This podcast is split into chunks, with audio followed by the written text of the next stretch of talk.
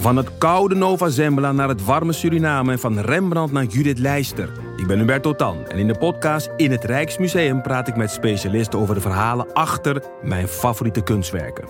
Nieuwsgierig? Beluister nu de nieuwe afleveringen.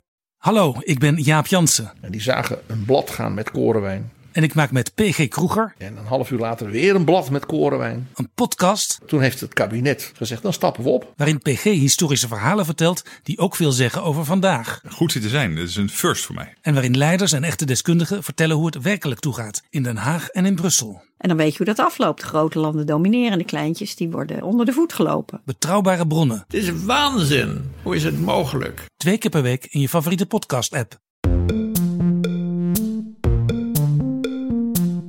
Hallo daar, fijn dat je luistert naar Boeken FM. Heb je een vraag voor ons? Stuur dan een mail naar boekenfm.dasmag.nl. En we zijn ook te vinden op Instagram, boekenfm.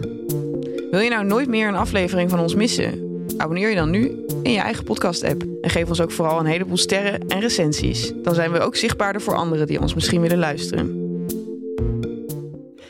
In ieder geval, Sergej is echt zo'n stadse jongen. En dan op een gegeven moment gaat hij vissen. En dan wordt er dit over hem geschreven.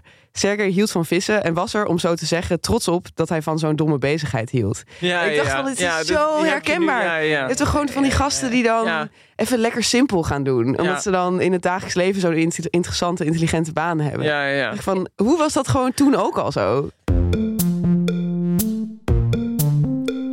Hallo allemaal en welkom bij Boeken FM. En geen gewone Boeken FM. Namelijk de allerlaatste aflevering van dit jaar. En ook nog wel een kerstaflevering. Eh, ik zit hier aan tafel met een wonderlijke samenstelling van mensen die we al in tijden niet hebben gezien. Namelijk de officiële bezetting van Boeken FM.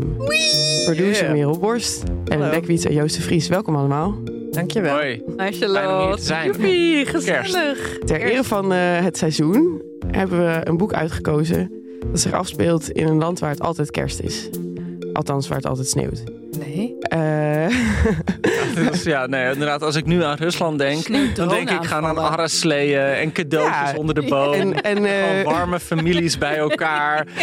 Eh, Buren Iedereen die elkaar op de borst kloppen. ja, je Kom weet wat ze, zeggen, wil eh, mijn brood. wat ze zeggen over arme families. Wat is het, warme families? Warme families. Die lijken allemaal op elkaar. Toch? Eh, nou, jullie hebben het al geraden. Eh, het boek over de bovenklasse van Moskou en Petersburg. Gossip Girl, maar dan van heel lang geleden. Anna Karenina van Lev Tolstoy. Eh, we hadden het al beloofd, dus jullie hebben het allemaal ook gelezen. Eh, in de dag eh, sinds... Wat is het? Gisteren. Gisteren, want toen verscheen de ja. vorige Nee, aflevering. het is best een boek dat je gewoon in één zitting eh, van op de wc. Als je, ja, gewoon even op de wc. Nou, Ja, nou ja, goed. Eh, je zou dit wel de eh 19e eeuwse roman kunnen noemen. Eh, Maar ook gewoon de roman. Ik denk dat als er eh, elk willekeurig lijstje met beste romans ooit Ja. staat uiteindelijk in de top 10 Anna Karenina. Was dit niet ook een van die dingen die we op die plaat naar de aliens hebben gestuurd?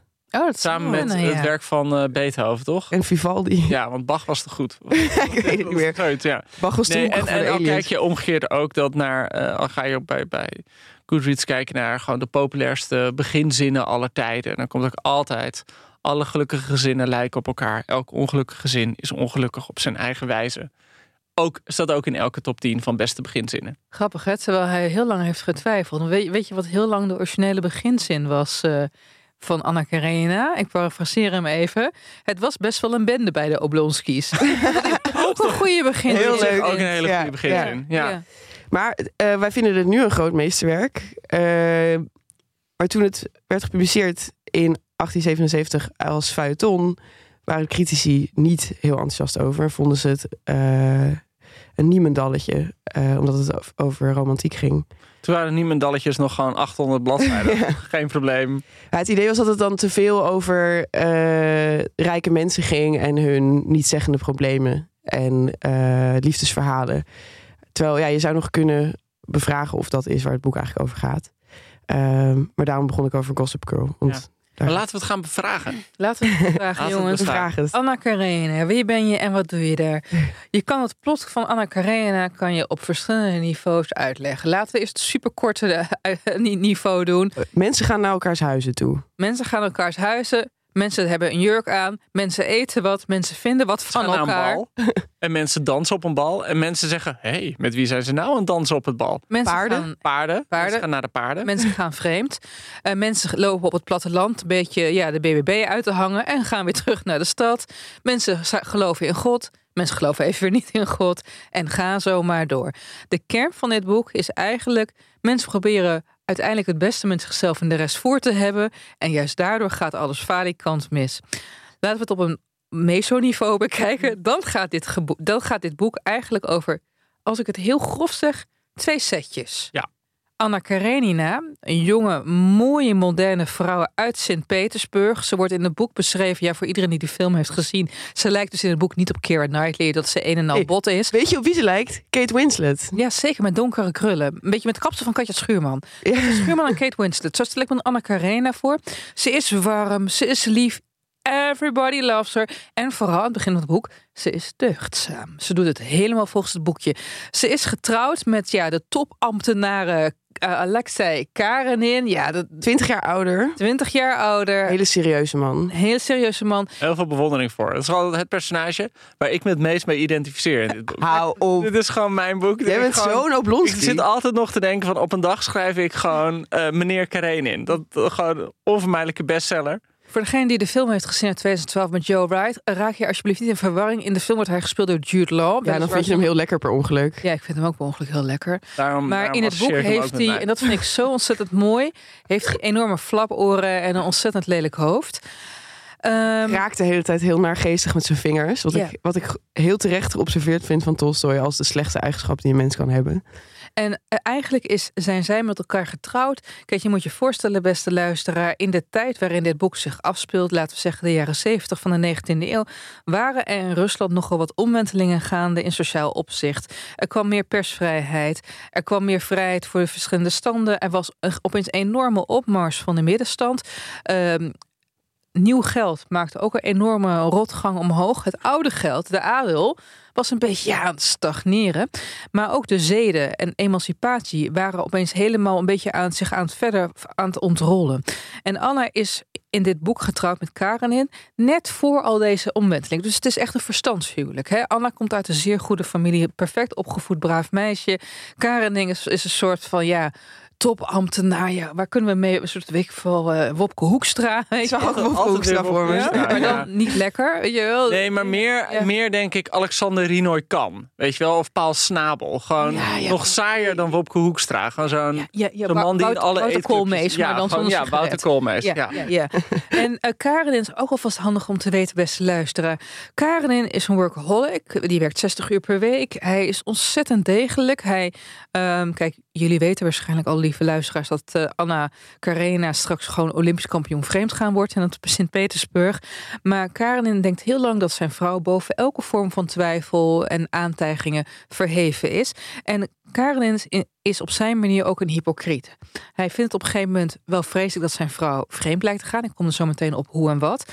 Maar hij heeft liever dat het gewoon geheim blijft en dat ze niet scheiden, zodat zijn positie niet in gevaar komt. Ja, maar dit is wel echt een van de allermooiste stukjes van het boek, vind ik. Het moment dat hij haar confronteert met haar overspel. Dat mogen we nou wel zeggen, want dit Ja, is dat- ongeveer het belangrijkste plotelement. Met wie komen we zo meteen op best te luisteren? Maar ja, maar, maar een hele mooie scène binnen dit huwelijk eh, vind ik eigenlijk mooier dan alle scènes die Anna met haar eh, minnaar heeft. Is het moment dat hij dat zij thuiskomt van een feest waar ze zich eigenlijk schaamteloos flirterig heeft gedragen. En zij de spelden uit haar haar gaat halen en zij zich klaar gaat maken voor bed. En dan wordt ze geconfronteerd door haar man. En hij zegt van, ik zou jou nooit verdenken van overspel. Daarvoor acht ik mezelf en jou te hoog in. Mm. Maar vergeet niet dat wij een verbond met God hebben en niet alleen met elkaar. En dat je hem ook beledigt als je dit doet. Maar ik verdenk je er niet van. En zij is ook eerst van, waar heb je het over? Ik ben zo moe, je moet me echt even met rust laten.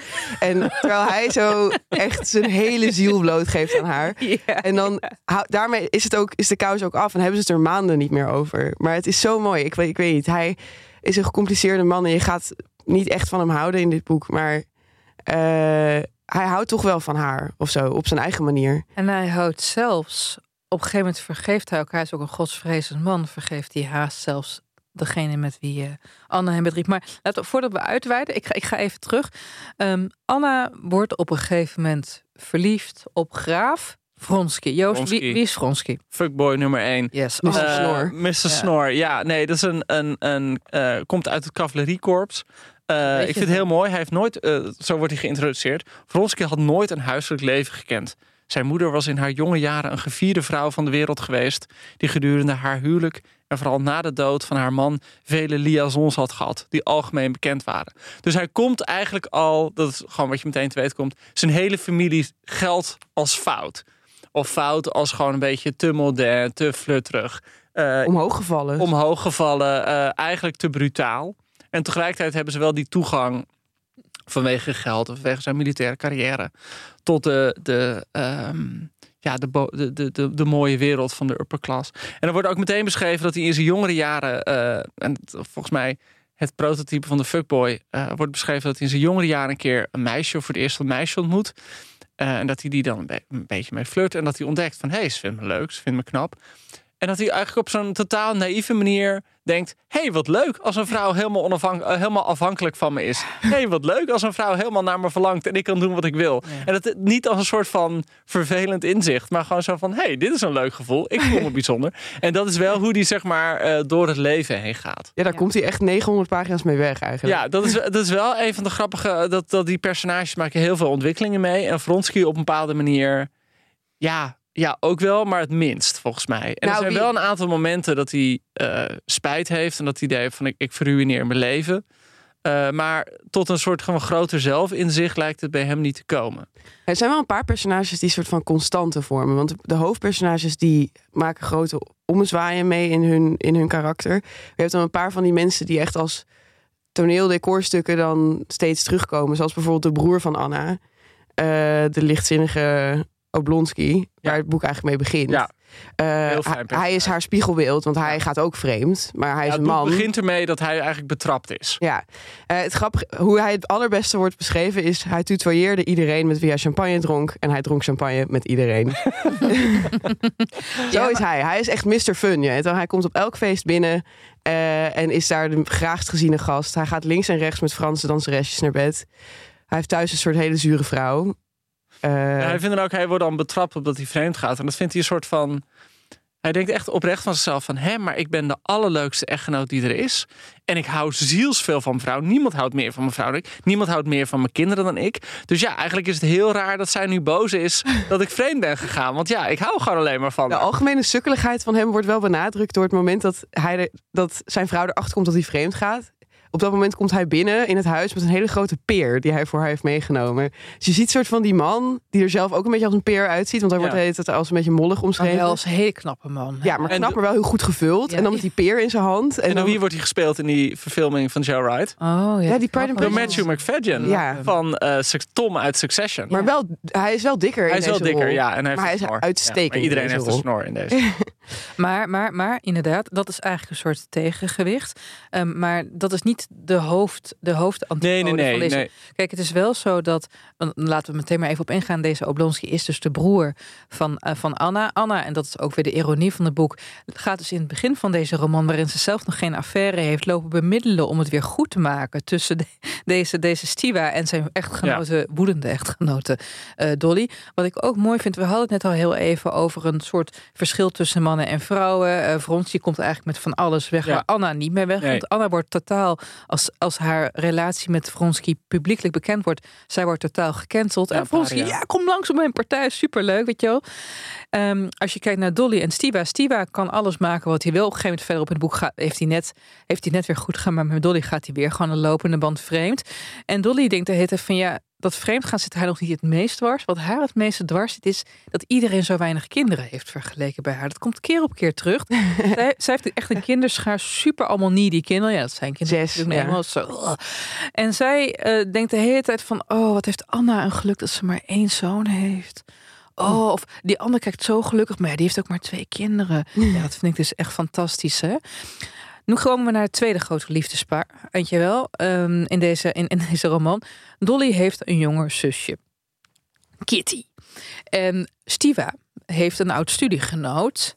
Konstantin Zeg ik dat? Ja, ja, zeg- Constantin Levin. Levin. Nou, Levin, voor, de, voor degene die niet goed in Russisch was op, in groep 3, betekent zoiets eh, eh, zoals of na Lev. En wat is de naam van Tolstoy? Lev. Dus hij lijkt ook gewoon heel erg één op één op Tolstoy. En Lev die heeft gestudeerd met, eh met mijn Levin heeft gestudeerd met Oblonsky. En hij kwam wel vaak dus thuis ook bij de familie van Oblonsky's verloofde, toen de Tcherbatskys. En daar hadden ze drie dochters. En dat staat wel heel grappig beschreven dat hij was een beetje verliefd, waarschijnlijk op het gezinsleven zelf. Hij wist ook nooit precies op welke dochter hij het meest verliefd werd en van welke hij het meest moest houden. En uiteindelijk wordt het de jongste ook door een race toevalligheden. Maar dan heeft hij het begint wel zwaar te pakken. En deze jongste dochter, lieve luisteraar, heet Kitty. Is aan het begin van de roman een jonge frisse blom van 18 jaar en heeft net haar debuut gemaakt in de Society.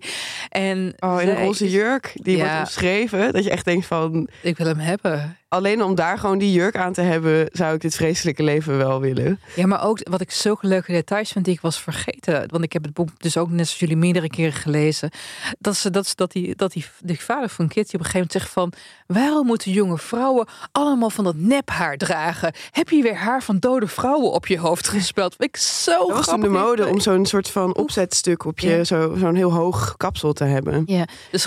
Kitty is een soort van het toonbeeld van eh, onschuld en schoonheid. En Lewin die heeft een soort beeld van zichzelf dat hij verdorven en lelijk is. Ja. Hij zegt over zichzelf. Eh, hij had gehoord dat vrouwen dikwijls juist gewone, onopvallende mannen lief hebben. Maar hij geloofde het niet, omdat hij zelf alleen maar van mooie, geheimzinnige, bijzondere vrouwen kon houden. Ik vind dat zo lief. Mm. Hij zo van: Ik ben zo lelijk en zij is zo knap. En dat blijft echt 500 pagina's lang ongeveer de verhouding tussen deze twee. Ja, hij zit er echt op een En via. Kitty leren we ook Vronsky kennen. Want het begint ermee dat zij en Vronsky naar elkaar toe lijkt te groeien. Vronsky zit achter haar aan. Hij is de ideale partij. Hij heeft geld, hij heeft een positie, hij is knap, hij is jong. Haar moeder ziet het helemaal zitten. Weet wel, deze Vronsky hem- moeten we de familie inhalen. Ja. Haar vader vindt hem echt een sukkel. En het is ook grappig, want op een gegeven moment ontspint zich eh, al vrij vroeg in die roman een gesprek tussen die vader en die moeder van Kitty. Waarbij die vader zegt: Ja, wat zijn het voor rare moderne tijden? Dat er niet meer verstandshuwelijken worden gearrangeerd. En dat iedereen gewoon maar vanwege verliefdheid. Eh, weet je wel, zijn hart volgt en in het huwelijk treedt. En dat is grappig, want een van de kernpunten in deze roman is ook het verschil tussen geestelijke lust. Dus dat je weet, iemand past goed bij mij, iemand vervult mijn diepste zielsbehoeften. En natuurlijk eh rampen, tampen, neuken. dat je fysiek helemaal verslaafd aan iemand Nou, raakt. en wat er heel duidelijk in zit, is die tegenstelling tussen de moderniteit, wat jij zegt, en het klassieke Russische leven. Dus klassieke Russische leven wordt belichaamd door gewoon al die talloze scènes met Levin als hij eenmaal gaat oogsten en gaat, gaat harken. Ja, maar dan En- moeten we en- even... Stop, stop. Dan moeten en, we even en vertellen. moderniteit, nog even dit, de treinen. Dus ik bedoel, het grote symbool in, de fil- of in het boek dat er permanent in zit. Alles speelt zich gedeelte af op stations. Er komen de hele tijd treinen voorbij. Er worden ook heel veel metaforen met treinen gebruikt. Ehm, eh, weet je wel, Vronsky ontziet Anna voor het eerst eh, op het station. Eh, bij het station valt er iemand voor de trein. Nou, een mooie eh, vooruitblik. Eh, als zij, dat, dat vind ik een van de grappigste scènes met Karenin. Dat meneer Karenin, dan heeft Anna Vronsky voor het eerst ontmoet. Dan gaat ze weer terug en dan haalt hij haar op. Volgens mij vanaf het station. En dan ziet ze hem aankomen lopen en dan denkt, ze, denkt hij... Die oren. Wat een oren. Hoe kan hij zulke grote oren hebben? Dat is zo'n mooi idee dat je echt kan zien van opeens zijn haar ogen geopend. En ze ziet haar man en ze ziet alleen maar gewoon flaporen. Ja, ja en dat, dat, dat- dat klopt, Joost. Het is inderdaad, in het boek staat ook de tegenstelling tussen moderne tijd en klassieke tijd. Eh, ja, op gespannen voet met elkaar in deze Lewin is dus Russisch eh, aristocraat. Wat inhoudt dat je gewoon een, land, eh, Ja. eh, god, een landeigenaar bent. Je hebt serven, dus slaven heb je.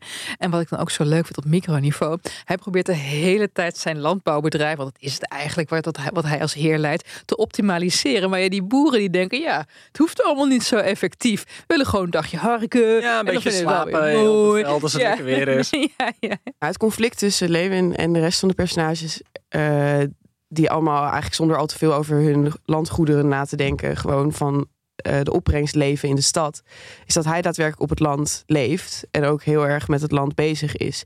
Eh, het stoort hem ook heel erg als hij in de stad is en mensen willen dan heel chic uit eten. En hij wil eigenlijk het liefst gewoon in het donker griesmeelpap eten, want dan voelt hij zich niet zo vreselijk schuldig. En hij heeft ook een raar conflict in hemzelf, waar hij ook het hele boek lang een boek over aan het schrijven is.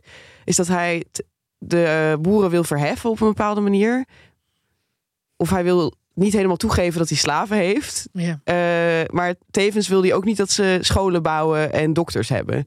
Want hij vindt dat ze gewoon op het land moeten leven. Eh, en dat is een soort intern conflict dat hij het hele boek lang heeft. En dit is denk ik wel, wel goed te staan om, om stil te staan dat dat Levin dus echt de Tolstoy van het gezelschap is. Tolstoy eh, kwam zelf uit een adellijke familie. Eh, toen hij studeerde was het echt lang leven de lol, lekker veel drinken, lekker veel vrouwen. Heel veel gokken. Hij had echt allerlei gokschulden en gokverslavingen. Drank, verkrachten. Drank, heeft ook verkra- ja, dat was niet echt met consent in die tijd. Nee. En toen werd hij uiteindelijk, eh, had je de Krimoorlog, 1853, 1856. En toen was hij bij de belegering van Sebastopol. En toen zag hij opeens, wacht eens, dit is allemaal vreselijk. Er gaan allemaal mensen dood. En er wordt eigenlijk helemaal niet voor ze gezorgd. Rusland heeft een, een lange traditie, eh, niet alleen nu, maar toen ook al, voor niet voor soldaten zorgen. En opeens vielen eigenlijk de schellen van zijn ogen. En toen is hij teruggekeerd. En toen heeft hij naast zijn literaire carrière eigenlijk een, een leven lange spirituele, eh, eh, ja, hoe zeg je dat, awakening meegemaakt. Ja, want hij was aanvankelijk agnost. Net Ja. zoals Levin in het boek ook een tijd lang Ja. is. En opeens was het toch, ja, hij keerde eigenlijk terug tot de kerk. Ja. Toch? Ja, en hij begon En ook Russische steeds, ja, en, en Ja. steeds eh, Spartaanser te leven. Ja. En er zijn heel veel boeken en films over gemaakt. Omdat het heel grappig is dat hij eigenlijk in een permanente oorlog met zijn vrouw verkeerde. Ja, Sophia. Eh, ja. ja, Sophia, die toch wel iets minder Spartaans wilde leven dan haar man. Dus het was alsof, alsof hij zeg maar steeds het eten van haar bord aan het afscheppen was. Van dit heb je niet nodig. Eh, en, en op een gekke ja, en, en hij ja, werd ook een beetje een halve goeroe. Bij leven was hij natuurlijk ook al een gigantisch populaire schrijver. En eh, had allemaal volgelingen en mensen die naar zijn huis kwamen en op zijn stoep Ja. sliepen. En ehm, Asketisch leven. ja, Hij is ook ge- begraven in een ongemarkeerd graf. Daar heeft Stefan Zweig later nog in de wereld van gisteren heel mooi over geschreven. Althans, iedereen weet dat dat het graf van Tolstoy is, maar geen bordje. Gewoon omzoomd met bomen. Weet je wel, bescheidenheid Ja. op een klein grafheuveltje. Maar inderdaad, het personage Lewin en Tolstoy kan je eigenlijk één op één Ja. doen. Het geeft Tolstoy de romancier ook helaas af en toe de ingang om heel erg uit te, eh, uit te wijden over dat landleven en wat Ja. er zo mooi en niet zo mooi aan is en waarom ze wel en of niet corrupt is. En laten we even teruggaan voor de luisteraars die het boek niet hebben gelezen naar hoe het plot in elkaar zit. Deze Lewin is dus verliefd op het schoonzusje van Oblonsky, eh, op deze Kitty. Kitty wij- hij doet haar een huwelijksaanzoek vrij vroeg in de roman. Zij wijst hem af. Ze is hem wel toegenegen. Ze houdt wel van hem. Hij, Hij, kan was goed- heel lang weg. Hij zat heel lang op hij het was land. heel lang weg. Als je 18 bent, Hij was zijn twee een paar maanden, maanden weg. Opeens voedsel. Ja, toen kwam Vronsky. Dan moet je Ja. altijd rekening houden. En dat dus ook, Vronsky dus ook de gouden regel dat voor mooie meisjes eh, eh, is tijd langer. Dus zeg maar, eh, voor een gewone, voor een mooi meisje is een week is eigenlijk vier weken. Omdat ja, gewoon voor een mooi meisje er komen zoveel mannen op af. Weet je, die kan je gewoon niet een week alleen laten. Dan ben je gewoon te laat. Ja, er Oh, gebeuren dat gewoon dingen. Oh, ik dacht, Ja. je wil je na vier weken je flipt waar je bij Nee, nee, nee, helemaal Oh, niet. Gewoon voor, voor mooie meisjes gebeurt er gewoon veel meer. Die worden gewoon de hele dag gedM'd. Nou ja, alleen al Eh, op dat gewoon- bal. Ja, die kunnen gewoon niet met de bus gaan. Of er komen gewoon guys bij. En dit ba- het bal is eigenlijk wel goed om te beschrijven. Want een van, een van de emotionele zwaartepunten van het boek eh, is het bal waar Kitty eh, wordt gepresenteerd eh, als huwbare vrouw eigenlijk. dat, is het, dat, dat is het toch al, jongen? Ja, ze was al uit, ze- zeg maar, het in ze society. verwacht een aanzoek te krijgen. Ja, Maar bij de, haar Ja. moeder heeft echt bekokstoofd dat dit de dag zal zijn dat Vronsky eh, zijn oog op Kitty zal laten rusten. Nou, maar. de vader vindt het vreselijk. Eh, Kitty is daar helemaal voor klaar. Eh, gaat dus ook dansen met Vronsky en zo. Eh, maar hij lijkt toch een beetje met, met zijn hoofd ergens anders te zitten. Ja, en in die tijd was het zo dat als je met iemand danste, oké, maar als je twee keer met iemand danst, dan zaten mensen van, oh, heb je gezien met Ellen heeft nou al twee keer gedanst met Vronsky. Oh, wat, wat is Ellen van plan? Weet je, oh, drie keer gedanst met Vronsky. Wow. Ja. Dat, drie, ja, dat was gewoon drie keer dansen. Was het alsof je gewoon. Nou ja, en al helemaal bij de laatste dans, dat was dan de mazurka in dit geval. Eh, hele reden, dat is zeg maar de belangrijkste dans. Wie je Zo, dan, kan je een stukje voordoen van de mazurka? nou, ik heb wel op YouTube opgezocht hoe dat eruit ziet. Echt super mooi. dus ik raad jullie allemaal aan om even een video te bekijken van de mazurka. Eh, Anna danst de mazurka met Vronsky in plaats van? Kitty. Kitty had natuurlijk de mazurka met Vronsky moeten dansen. In plaats daarvan danst ze de mazurka met iemand anders en kijkt ze toe hoe Anna en Vronsky met elkaar dansen. En Anna is voor haar is natuurlijk een vrouw die eh 15 jaar ouder is dan zij, werelds, heel simpel gekleed in het zwart, in tegenstelling tot deze ja. roze del, zoals ze zich dan voelt ineens. Ehm, en Kitty ziet Anna en Vronsky en ziet iets in die blik gebeuren, waardoor ze beseft: oh my god, ik heb mezelf zo voor schut gezet. Ik heb net Vronsky zo staan aankijken van let's go. Mm. Terwijl hij al die tijd alleen maar met Anna bezig was. Ja, dan stort de hele boel in, want dan wordt Kitty een soort van ziek, want dat gebeurt ook altijd met mooie vrouwen. Ja, maar dit is ook zo'n standaard man-vrouw ding. Weet je, als een, als een vrouw, als een man een blauwtje loopt, dan is het echt zo van, nou oké, ik ga naar een café, ik ga naar Snackbar de Prins, eh, ik, ik eet een kipcorn, ik ga naar huis. Vrouw loopt een blootje, echt zo, oh nee, ik moet in bed liggen, Ik moet wekenlang. naar een kuuroord. Ze gedraagt zich dus net zoals Werther in die lijn des jonge Ja, weet je, nou ja, daar is ze misschien van af. Het gaat haar niet eens om hem. Dat kom je ook later weer achter. Ja. Van Vronsky was niet zo heel belangrijk voor haar, maar de afwijzing. Zij was het mooiste meisje ever. Ja, En haar- toen werd ze afgewezen. Dat had ze gewoon niet kunnen ja, bevoeden. haar zelfbeeld krijgt gewoon een enorme klap. Ja, en Ja. tegen die tijd heeft ze Lewin al afgewezen. Dus Ja, is, heeft dat- niemand meer. Precies, dat doet zeer. Nou, dan gaat ze dus eh, mee naar het buitenland. Want, want doe je als je ziek Ja. bent in Rusland, je hebt geld, dan ga je naar Duitsland. Dan ga je daar lekker kuren. En dan komt ze een pietiste tegen. En ze komt een heel godsvruchtig meisje tegen die ze heel inspirerend vindt. Dus Kitty wordt heel, heel erg uh, devoot. Long story, laten we iets sneller er doorheen gaan. Dan kunnen we zo meteen ook de thematiek eh, gaan bekijken.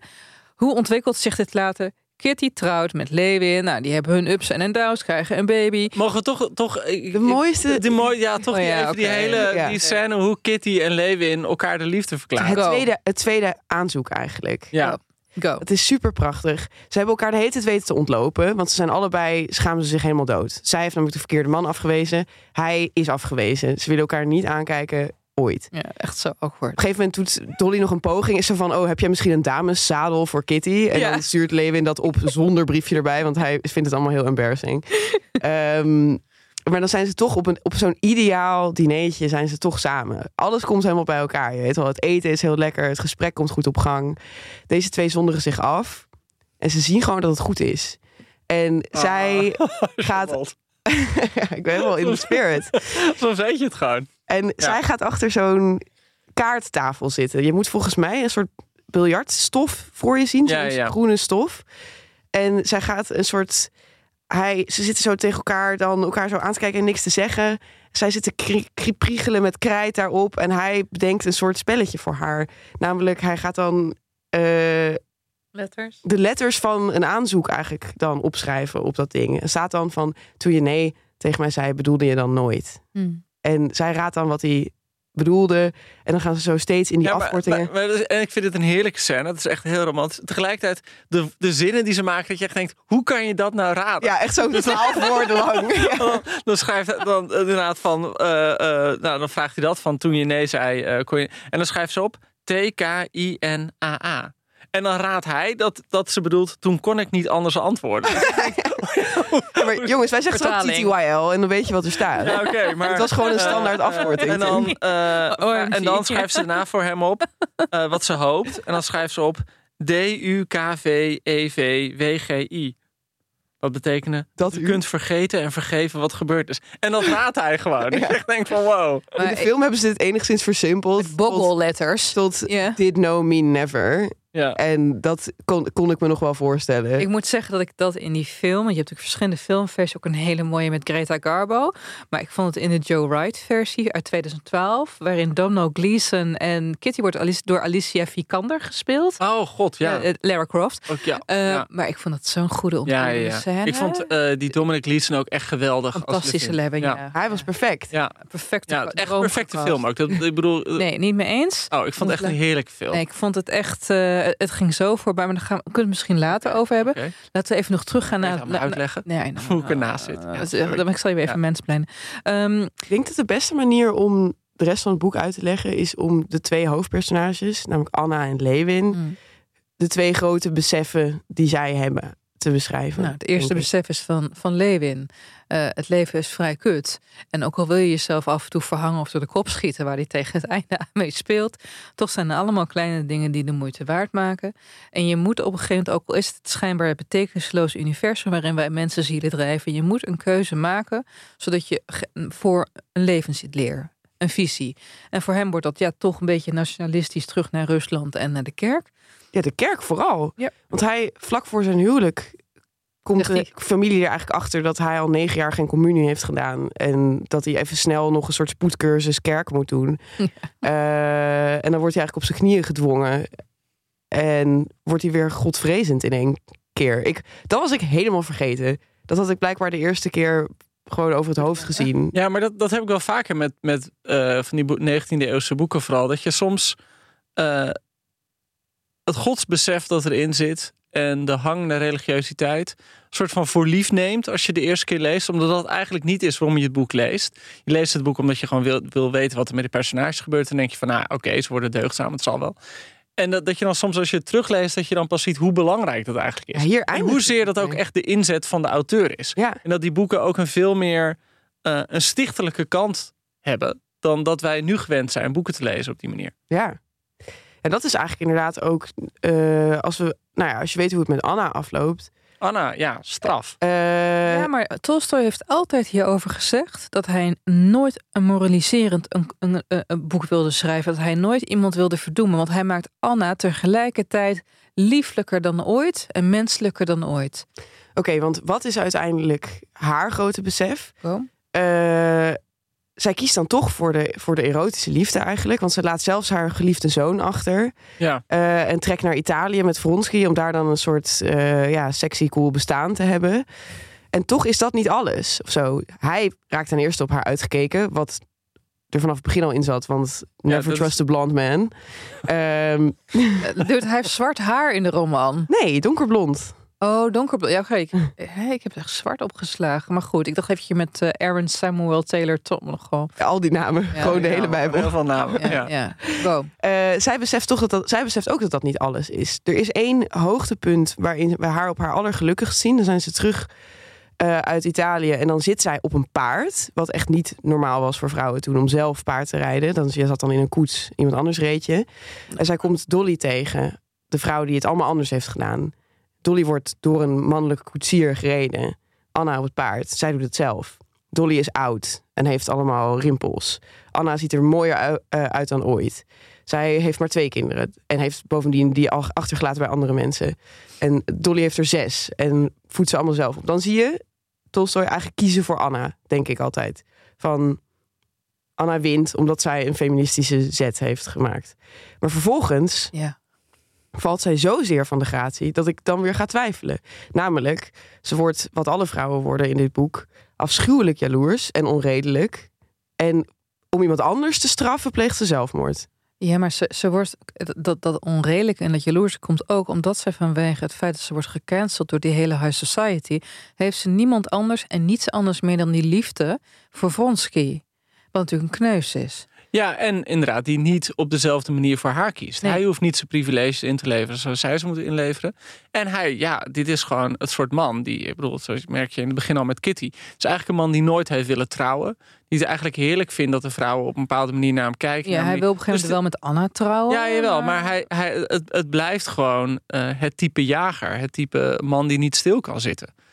Eh, dus eh, ja, ze verbindt haar lot aan iemand die dat eigenlijk helemaal niet aan kan. Die helemaal niet de volwassenheid heeft om zo'n verbond met iemand aan te gaan. Ja, nou ja maar, maar hij is ook wel degene die al eerder zegt van Anna scheiden, dan kunnen wij samen zijn. Anna twijfelt de hele tijd, omdat ze ook weet dat de, de voogdij van haar zoon niet naar haar zal Ja. gaan als er een echtscheiding komt. Ja, maar ja, oké, de- Wat is de de- straf? Zeg maar, wat is de les voor Anne? Dat snap ik nooit helemaal. Want ze wint, maar ze verliest ook. Of Nee, zo. ze wint helemaal niet. Ze vaart haar eigen koers. Dat zou je als een vorm van liberalisering kunnen noemen. Dat is misschien een moderne visie erop. Precies, Ja, ze denk, wordt ja. zo buitengesloten. En kijk, eh, Tolstoy toont heel goed die dubbele moraal aan... tussen hoe mannen en vrouwen door de maatschappij worden behandeld. Dat- is één. Ehm, hij, hij, hij impliciet moraliseert hij natuurlijk wel een beetje... want degene die louter voor het hedonistische gaan... weet je wel, Anna namelijk... die komt er toch heel slecht van af. En ehm, uiteindelijk, kijk, de vrouwen zijn de losers in dit boek. Hè? Zelfs Kitty... Eh, zelfs Kitty en Lewin zijn op het laatst een beetje van elkaar vervreemd geraakt. Zoals Tolstoy ook in het echt van zijn vrouw Sophia vervreemd was geraakt. Dus ik denk dat er een sprake is van een winnaar. Kijk, ehm, het, het nieuwerwetse idee dat de individu zijn eigen geluk mag kiezen. Eh, wordt hierin deels gedemonstreerd en getoond. Dat je wel, Lewin wil zijn eigen geluk kiezen door zijn eigen levensideologie te kunnen bepalen. Anna wil haar eigen geluk kiezen door buiten de hokjes van huwelijk en weet je wel eh, hoe een vrouw zich dient te gedragen in de samenleving te treden. Maar Anna krijgt uiteindelijk veel harder voor op de kop en raakt geïsoleerd. En dit is toch, en dat kun je Tolstoy niet alleen in zijn schoenen schuiven. Oh. Maar het gek is wel dat er een soort van lange traditie is. Eh, van, daar hadden we het net even voor de uitzending over. eh, van vrouwen in, eh, of in rom- romans. waarin vrouwelijke personages vreemd gaan. en daar uiteindelijk met de dood voor moeten betalen. Ja, want welk boek hebben wij vorig jaar behandeld met onze Madame- kerstaflevering? Madame Madame Bovary. Maar je hebt ook Eline Vere van Couperus. Effie Briest. Ja, maar Eline Vieren gaat niet vreemd. Eh Eline ja, wij- wijst mannen af en wordt op homo's verliefd. Dat kan de beste. Ik ben op Ja, zeggen. Ik, ik word alleen maar op homo's verliefd, weet je. Eh, maar maar, maar, maar, maar kort, kort samengevat, en dan komen we misschien ook op wat dit betekent. Ehm, toen, ehm, toen het proces Madame Bovary, lieve luisteraar, als je dit niet weet, luister even de kerstaflevering van vorig jaar. is ook goed weer voor onze, voor onze place. Toen ehm, Madame Bovary uitkwam, was de halve Franse samenleving helemaal een parbleu, qu'est-ce que c'est? Want het was allemaal zedeloos. Dus er kwam een enorm ja, zedenproces tegen Flaubert, wat hij won. en fun fact, weet je wie toen rondliep in eh, Frankrijk? Een beetje een wijn te nippen en paturin te eten? Oh. Tolstoy. Was het eh, Monsieur Tolstoy? Oui, oui, oui, oui, le code Tolstoy. En die dacht, nou, dit is een interessant verhaal.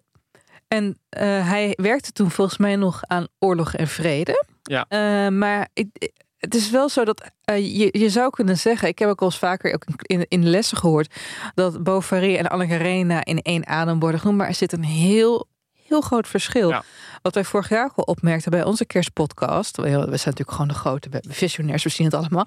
Ehm, eh, in Flaubert, of Flaubert zoals we hem noemen, die laat geen Spaan heel van Madame Bovary. Nee, het is best een sarcastisch boek. Nou ja, Emma is gewoon echt een slecht mens. Nou, en een dombo. Ja, Ja, een superdombo en Ja. een recidivist. Terwijl Anna, eh, je- hebt ook, ho- hoorde ik eh, echt hele Twitter-threads van mannelijke lezers die verliefd zijn geworden op Anna.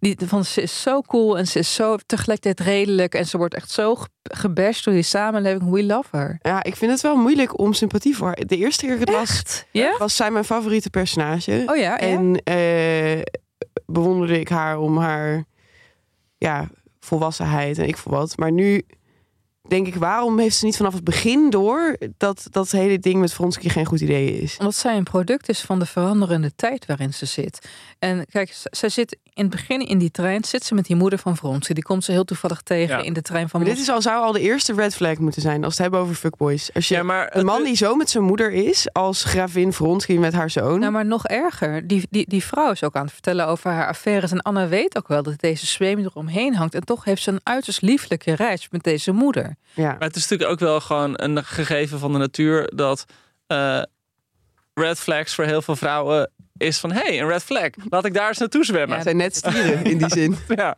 Ja. inderdaad. Dus, dus ja, het, en in die zin is dat, vind ik dat ook een mooie les. Dat, eh, en en dat, dat is ook dat weer het mooie contrast met Kitty. Dat Kitty zo opkijkt tegen, eh, tegen Anna. En denkt, Anna heeft op alle manieren haar leven op orde. Dit is een perfect voorbeeld. Maar dat dat nog niet gelukkig maakt. Het perfecte is niet wat je gelukkig maakt. Nee, nee. En ook dat het perfecte je wordt opgedrongen door de samenleving. Want dat vond ik ook een mooie parallel tussen Anna en Kitty. Anna die krijgt op een gegeven moment moet ze huilen. Dat ze nog helemaal niet vreemd gaan met Vronsky. Maar heeft ze al wel gevoelens voor hem. En is ze aan het huilen. En ze zegt tegen, ik geloof dat Dolly dan bij haar is. En zegt ze, ik ben helemaal geen goed mens. Weet je wel, ik ben geen goed mens. Dat maken jullie van mij. Maar ik ben dat niet. Ja. En een boek verderop zegt Kitty dat ook over zichzelf. Ja. Weet je wel? En als je een hele mooie vrouw bent, dat iedereen dan denkt dat je zo moreel rechtschapen bent. Precies. Maar Dolly is ook, ik bedoel, Anna is natuurlijk ook, heeft ook een soort arrested development, omdat ze super jong is getrouwd met een 20 jaar oudere man die nooit naar feestjes wilde. En zij is zelf altijd wel s'avonds uit aan het gaan en zo. Dus ik heb het idee dat zij ook een beetje is blijven hangen in die Kitty fase van haar leven. Eh, omdat ze niet een gelijkwaardig huwelijk met eh Karenin heeft.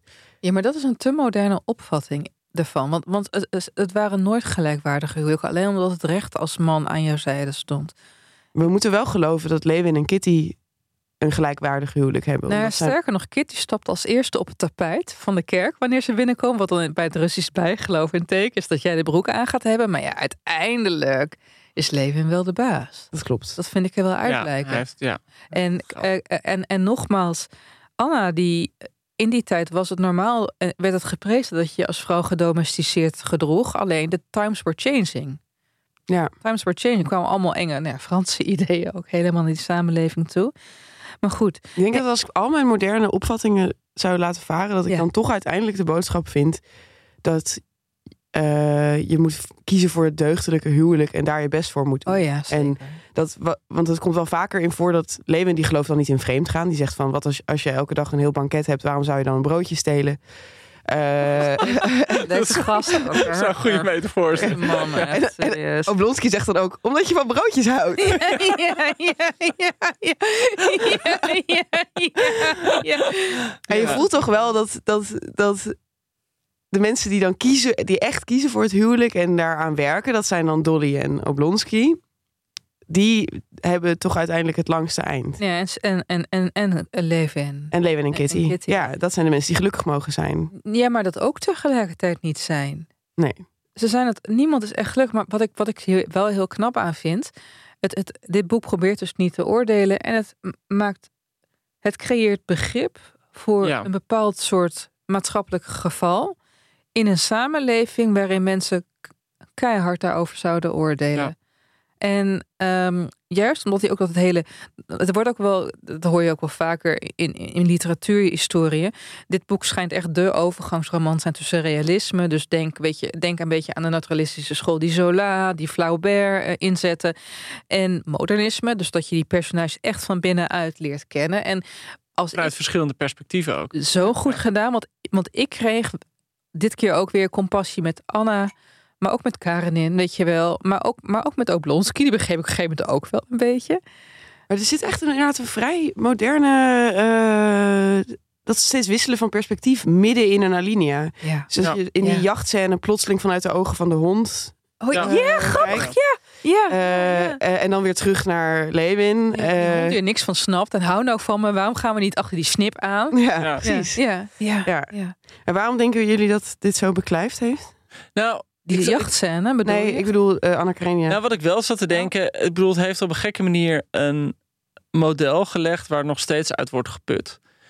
Eh, en ik bedoel, het is een beetje naïef om dit boek nu af te schilderen als een grote liefdesroman. Want er gebeurt veel meer waar we het al over hadden. is ook heel maatschappelijk. Het is eigenlijk, en dat viel me bij lezing ook wel op, gewoon echt een, een godsgruwelijk hard boek. Dat je echt denkt, jezus, wat is het moeilijk om gelukkig te zijn. ja. En dat is ook het gekke natuurlijk met van die boeken die zo lang doorgaan. Dat er allemaal momenten op zijn dat je denkt, jee, nu, nu, nu moet het gewoon gelukkig ever, happy ever after beginnen. Maar ja, dan gaat het boek gewoon nog Ja. door. En dan komen weer andere dingen.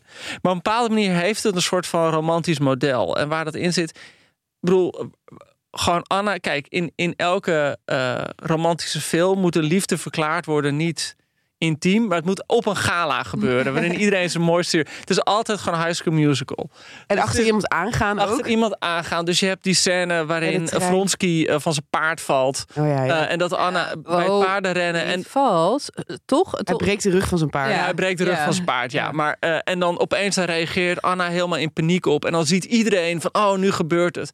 En je hebt dat in het begin met Kitty, die dan in haar mooiste jurk is. Nou, ik bedoel, het is altijd het cliché van elke romantische comedy... dat je altijd huilt in je mooiste jurk. Dus er zitten een aantal van die, van die eh, tropen, eh, van die... eh nou, cliché is niet het juiste woord, maar van die soort standaardvormen... van wat er gebeurt in een romantische drama. En volgens mij is Tolstoy een van de eerste die dat zo gedaan heeft. En iedereen sindsdien van, weet je wel, Hermeline die eh in jurk, ja, Triwizard Tournament Ja, ja, in haar jurk van de trap afloopt. Tot She's All Dead, waarin de vrouw in een jurk van de trap afloopt. Tot High School Musical. Nou, die heb ik niet gezien, maar ze zingen dat liedje met z'n allen. En eh, Jezus, Joost. Ja, maar, wat mij- maar grappig. Ja, sorry, ja? Als je het hebt over dit soort dingen, dan klinkt het bijna alsof je dit boek zou kunnen lezen en dat er dan niks fris meer. nee, nee, maar zit. ja, de- Maar dat is totaal niet zo. Ik, ik herlas het nu weer met zoveel plezier, omdat ook hele kleine karakterschetsen zijn echt zo van die mensen die je nu, nu tegen zou kunnen komen. Een voorbeeld geven? Nou, de oudere broer van Lewin Is een beroemde schrijver. Sergej? Sergej, Ja, ja, ja, ja. De oudste broer is een doodenge communist met een drankprobleem. Maar Sergej eh, is eh, een beroemde schrijver die dan naar het landgoed komt gewoon om te chillen. Je weet wel, hij zo van, oh, ik ga echt mijn hoofd even leegmaken. Terwijl Lewin is Ja. zo van, gierst. Je weet wel. Eh, in ieder geval, Sergej is echt zo'n stadse jongen. En op een gegeven moment gaat hij vissen. En dan wordt er dit over hem geschreven. Sergej hield van vissen en was er, om zo te zeggen, trots op dat hij van zo'n domme bezigheid hield. Ja, ik dacht ja, van, dit is ja, zo nu- herkenbaar. ja, ja. Je hebt toch gewoon van die gasten die dan Ja. even lekker simpel gaan doen. Omdat Ja. ze dan in het dagelijks leven zo'n in- interessante, intelligente baan hebben. Ja, ja. Van, hoe was dat gewoon toen ook al zo? Maar, Ja. maar je, je stipt ook nog iets heel interessants hiernaast aan. En je hebt het herlezen. Volgens mij hebben we het alle drie herlezen, nietwaar? Ja. Er vallen je toch telkens weer andere dingen op. Want weet jij nog, Charlotte, toen je het voor de eerste keer las, welk beeld bleef je voor, jou achter en wat is er bij de laatste keer achtergebleven? Toen ik het de eerste keer las, ging het mij helemaal om Anna en Vronsky. En vond ik Vronsky ook echt zo super sexy. Ik dacht van, ja, dit is hem helemaal. Ja. Eh, eh, maar nu was ik heel gefixeerd op Lewin en Kitty. En eigenlijk nog minder op Kitty dan vooral op Lewin en zijn worsteling met het land. En ik, net voordat we gingen opnemen, zei Joost dat hij die stukken altijd overslaat. Ja, want precies wat jij zei. Ik zat de hele tijd te denken van... Jezus, moet ik nu 100 bladzijden over Rutger Bregman lezen? Die mij gaat uitleggen Nee, hoe het leven in elkaar zit. En van ja, jongens, oh, we moeten authentiek leven. Ik bedoel, Lewin, als hij nu zou zijn... dan zou hij elke week in de podcast van Ernst-Jan Fout en Alexander Klupping zitten... om te vertellen Niet- wat hij allemaal dus. geleerd heeft. Hij zou het vertikken, hij zou het niet doen. Nee, dus, dus ik had heel weinig geduld voor Lewin gewoon. En, en er zit inderdaad gewoon die, zitten hele gekke, eh tedere scènes in met Kitty. En die liefde ehm, voor haar en ook de, de liefde van haar voor hem is heel teder en, en eh, zuiver opgeschreven. Nou ja, en ik vond gewoon vooral, hij en Kitty hebben allebei zo'n crisis, je weet wel. Zij wordt volwassen en beseft ineens, oh, er zijn andere dingen dan mooie jurken. Ja. Eh, dat vond ik gewoon heel interessant beschreven in die, dat kuuroord, waar de Duitse slavinnen dik zijn van het bier, wat ik ook heel grappig vond. Ehm, eh, en hij heeft ook heel erg zo'n. Ja, hij worstelt gewoon heel erg met het leven. En ik, dat heb ik van bij Anna toch minder. Anna worstelt met iets heel eenvoudigs, namelijk ik wil vreemd gaan, dat mag niet. En dat, Nee, nee, dat komt ja, mij nu nee, over als een frivole. Nee, nee, nee, nee, want ze wil niet vreemd gaan. Ze wil het gewoon niet. En dat, dat vind ik toch altijd wat me treft met Anna. Ze loopt hier tegenaan en ze denkt, ik wil nu iets wat ik niet moet willen. Ja, en, Eh, ja. En ja, en ik bedoel, daarom duurt het ook zo lang voordat ze uiteindelijk eh, op zijn eh, sofa belandt. Ja. eh, voor de eerste liefdesdaad. Omdat ze eigenlijk in alles denkt van, dit kan me niet gebeuren. En ze, ze denkt ook, dat, hey, je hebt dat kantelmoment gewoon van geluk. Dus zij denkt, ik heb alles op orde. Hoe kan het dat ik dan niet gelukkig ben? En hoe kan het dat ik dit dan opeens wil? Maar, om Dus even- al- zomaar even vreemd gaan. Kijk, Nee, dat, dat is meer zeg maar wat Maar Emma dit Bovary verraadt- wil. Dit Ja. verraadt wel de leeshouding, de tegenovergestelde leeshouding die jij had, Charlotte, vergeleken met Joost. Want je vertelde aan het begin van deze aflevering dat jij juist de stukken met Vronsky ging overslaan. Nou, ik trok hem gewoon steeds minder goed. Want ik begon hem steeds meer voor me te zien als een soort domme sporter of zo. Want hij is dus heel erg van de paarden rennen en zo. Joke. Ja, een beetje een, een, beetje, Jake Paul. een beetje een himbo, zeg maar. Ja. Ja, Eh, en hij zegt gewoon helemaal nooit wat intelligent. Nee. En alle andere mannen zijn een stuk intelligenter dan hij. Ik vond zelfs Oblonsky eigenlijk een leukere man ja. dan, ja, dan hij. mij de Eh, enige gelukkige persoon in het boek. Ja, ook Ja. maakt niet eens uit wat hem Ja. overkomt. Hij is gewoon Ja. happy. En, en ook echt een mens, je weet wel. Op een gegeven moment chillt hij ook met Lewin. En hij wil gewoon gaan tukken. Maar Lewin die zit zo heel erg in zijn hoofd met... hoe ga ik Kitty voor een tweede keer ten huwelijk vragen? En hij wil het eigenlijk vragen aan Oblonsky, maar hij durft het niet. Dus hij gaat dan een stuk zeep oprapen en zeggen... oh, interessant wat ze tegenwoordig allemaal met zeep kunnen doen. Ja. En, eh, en dan is Oblonsky, die, die kijkt gewoon recht door hem heen. Hij is zo Ja. van, Horus, Ja. vriend... Ja. Het is echt jouw schuld dat ze geen ja heeft gezegd. Je moet het gewoon nog een keer doen. En je moet het gewoon twee keer zo hard doen. Uit een huwelijk vragen. Ik ga, ik ga jou echt twee keer zo hard aan huwelijk vragen. Ja. ja. En dan Ik ga schreeuwen. Luister, Ik ga en, dan een soort woord, en dan een soort. Ja, is nou ja, ja, ja. Anyway, elke man die erin Ja. voorkomt vind ik aantrekkelijker dan Vronsky. Dus ik kon gewoon die dingen van die passages vanuit zijn perspectief, Ja. waarin je erachter komt dat hij eigenlijk alleen maar bezig is met vriendjespolitiek en eh, dat hij vooral met Anna is omdat dat voor zijn reputatie Nou, juist een beetje chic is. hij is ook, hij is wel oprecht. Dat, dat lees, las ik er wel vanaf.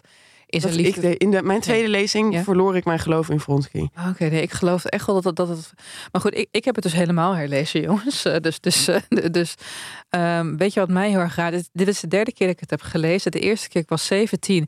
Ik vond die stukken met Lewin zo saai. Zo'n eigen huis in puin, weet je wel. En, en, en op, alsof je naar het partijprogramma van de BBB zat te kijken. Weet je, van eh, het is zo cool mijn boer te staan. Ik ging er helemaal niet in mee. Ik vond het boek wel weinig over stikstof gaan. Ja, dat wel echt een lacune. Zo jammer. Weet Ja. je wel. Niks over PFAS. Veel over Zeisen. Ja, gewoon. De Zeis heeft een prominente rol in dit Ja. boek. Ja, maar ja, dat, dat, dat weet je wel. Ook zo ouderwets weer. En zij waarom Ja. moet dat nou, weet je Een wel. majestueus apparaat hoor, de Zeis. Ja. Zeker als je hem gewoon af en toe wet tussendoor. Ja, Ja. dat is leuk, hè? Oh, die woorden. Wetten van de Zeis. Ja.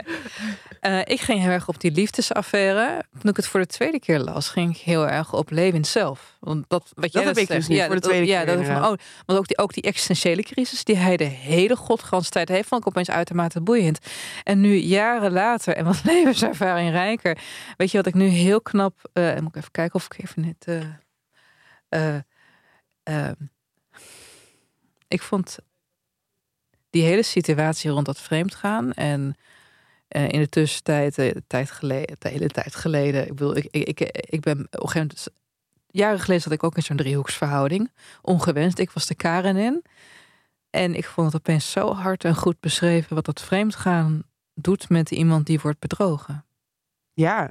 Hoe je van alle kanten, je bent woedend, je trots is geschreven, je schaamt je dood. Je, je haat jezelf omdat je ook nog steeds van degene houdt. Die Ja. jou gewoon in full front eh, bedriegt.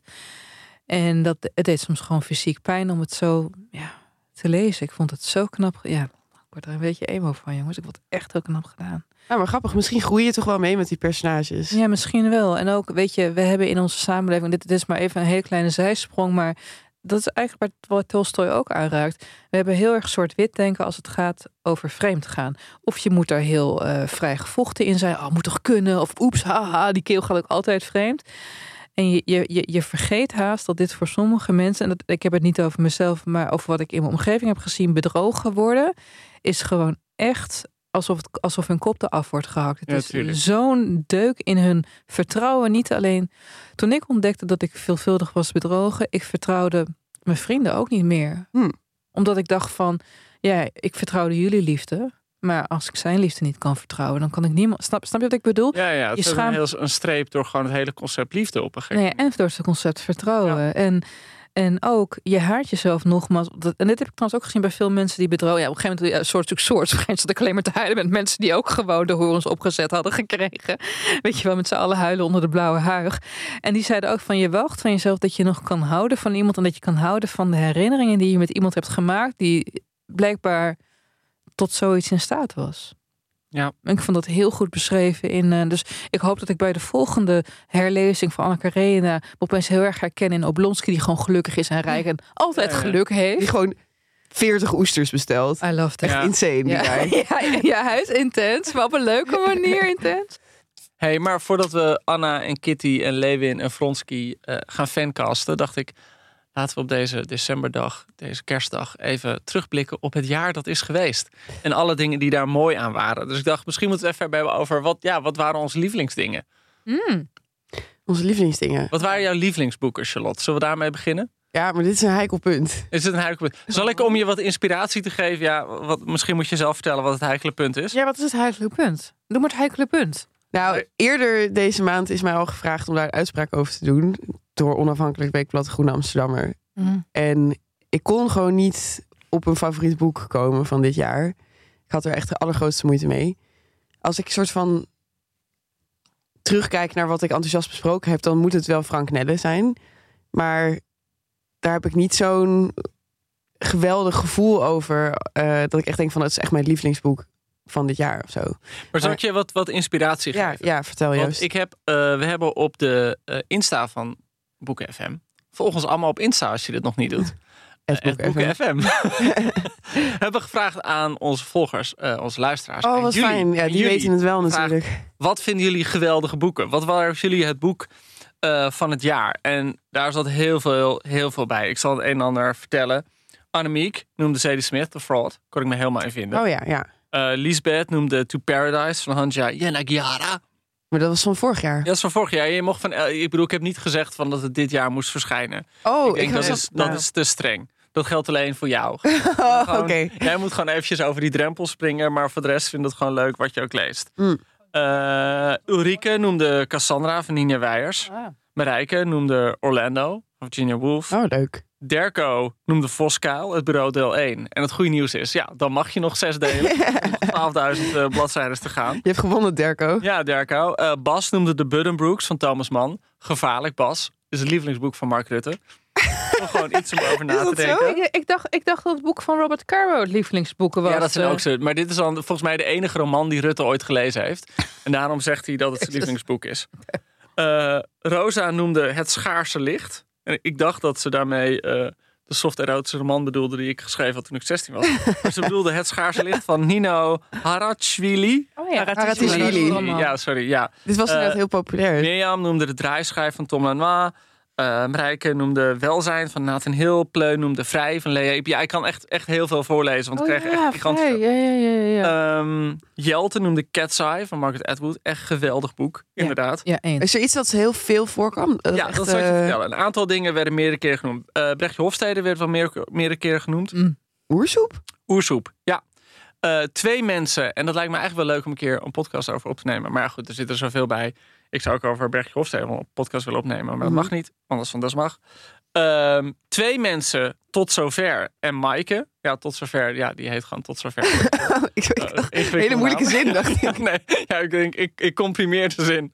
Nee, tot zover, die noemde alles van Claire Keegan. En dat vind ik wel altijd zo heel fijn. Daar kan je altijd zo jaloers op zijn. Dat moment, dat hebben jullie vast ook meegemaakt, dat je dan een schrijver ontdekt en dan in een jaar tijd gewoon alles leest wat die persoon geschreven heeft. Ja.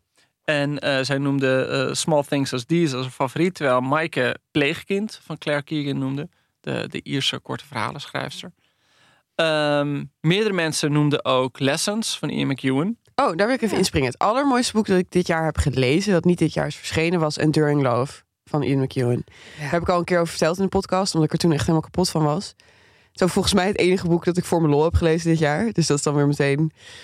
Uh, nou, Lessons werd genoemd door Natasha en door Anouk en Anke en Els. Jij was ook heel enthousiast over Lessons. Ik was ook, was, ja, ik, ik, ik had het denk ik ook genoemd als beste boek van het jaar als het dit jaar was verschenen. Ja, het is een heel mooi boek. Echt ja. fantastisch. Davy en Manon noemden The Transition Baby van Echt? Pieters, ook ja. jouw favoriet. Dat mocht ik vorig jaar niet opschrijven als mijn beste boek van het jaar, heb ik toch gedaan. Maar jij vond het te woke. Vond ik het te woke? Ja, jij bent ik, heb, ik heb wel een soort van waarde- Manon schreef uh, dat ze door anders naar gender issues is gaan kijken. En dat ben ik eigenlijk ook wel door het boek. Ja. En ik heb haar laatst ontmoet, want ze was in de Bali. Tori Peters. Uh, Tori Peters, hele leuke vrouw, heel bijzonder iemand. Fantastisch, heel erudiet. Ja, uh, heel grappig. Uh, echt op ons aanraden, zowel Lisa uh, Lacourt, Sarah en Eline de Vries, geen familie, noemden allemaal The Secret History van Donna Tartt. Ja, ah, hou op hoor. Hou op, ja, dat kan Ja, je gewoon eindeloos blijven lezen. Ja. Um, ook onverwachte hit onder onze luisteraars. Ben ik, dat ik echt pleit, dan ben je echt weer trots op onze luisteraars. Um, Giovanna en Ilse en Akeme en Esther noemden allemaal De Wand. Oh, Marleen Huishover. Oh, ja. Een van de eerste boeken die we in deze bezetting hebben besproken. Ja, Zo vet. Leuk, ja.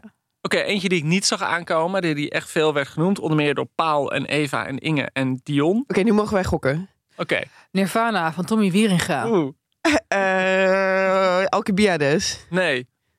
Ja? Merel, zeg jij wat? Je hebt nog echt niks gezegd. Die is Nee, hallo. Oh. Ik wilde ook Alcibiades gokken. Nee, nee. ehm, eh, ik moet... Helaas heeft niemand Tommy Wieringa genoemd. En ook niemand Ilja Vijver. Een misser, maar wat wel werd genoemd, dus door, door Paul, Eva, Inge en Dion. The Shards. Hè? Van Brad Easton Dat Ellis. vond jij helemaal niks. Oh, Nee, dat is een heel merkwaardig scherven. boek. Ja, de ja, scherven, ja, ja. inderdaad. En wij hebben toen wel een podcast opgenomen over ehm Ja. Less than Zero. Than Zero. En toen Omdat kon je we- ook nog kaartjes winnen voor het evenement met Brad Easton Ellis. Ja, waar Eh. jij toen hem hebt geïnterviewd terwijl hij super stug en moeilijk deed. Ja, hij was echt hij was niet makkelijk.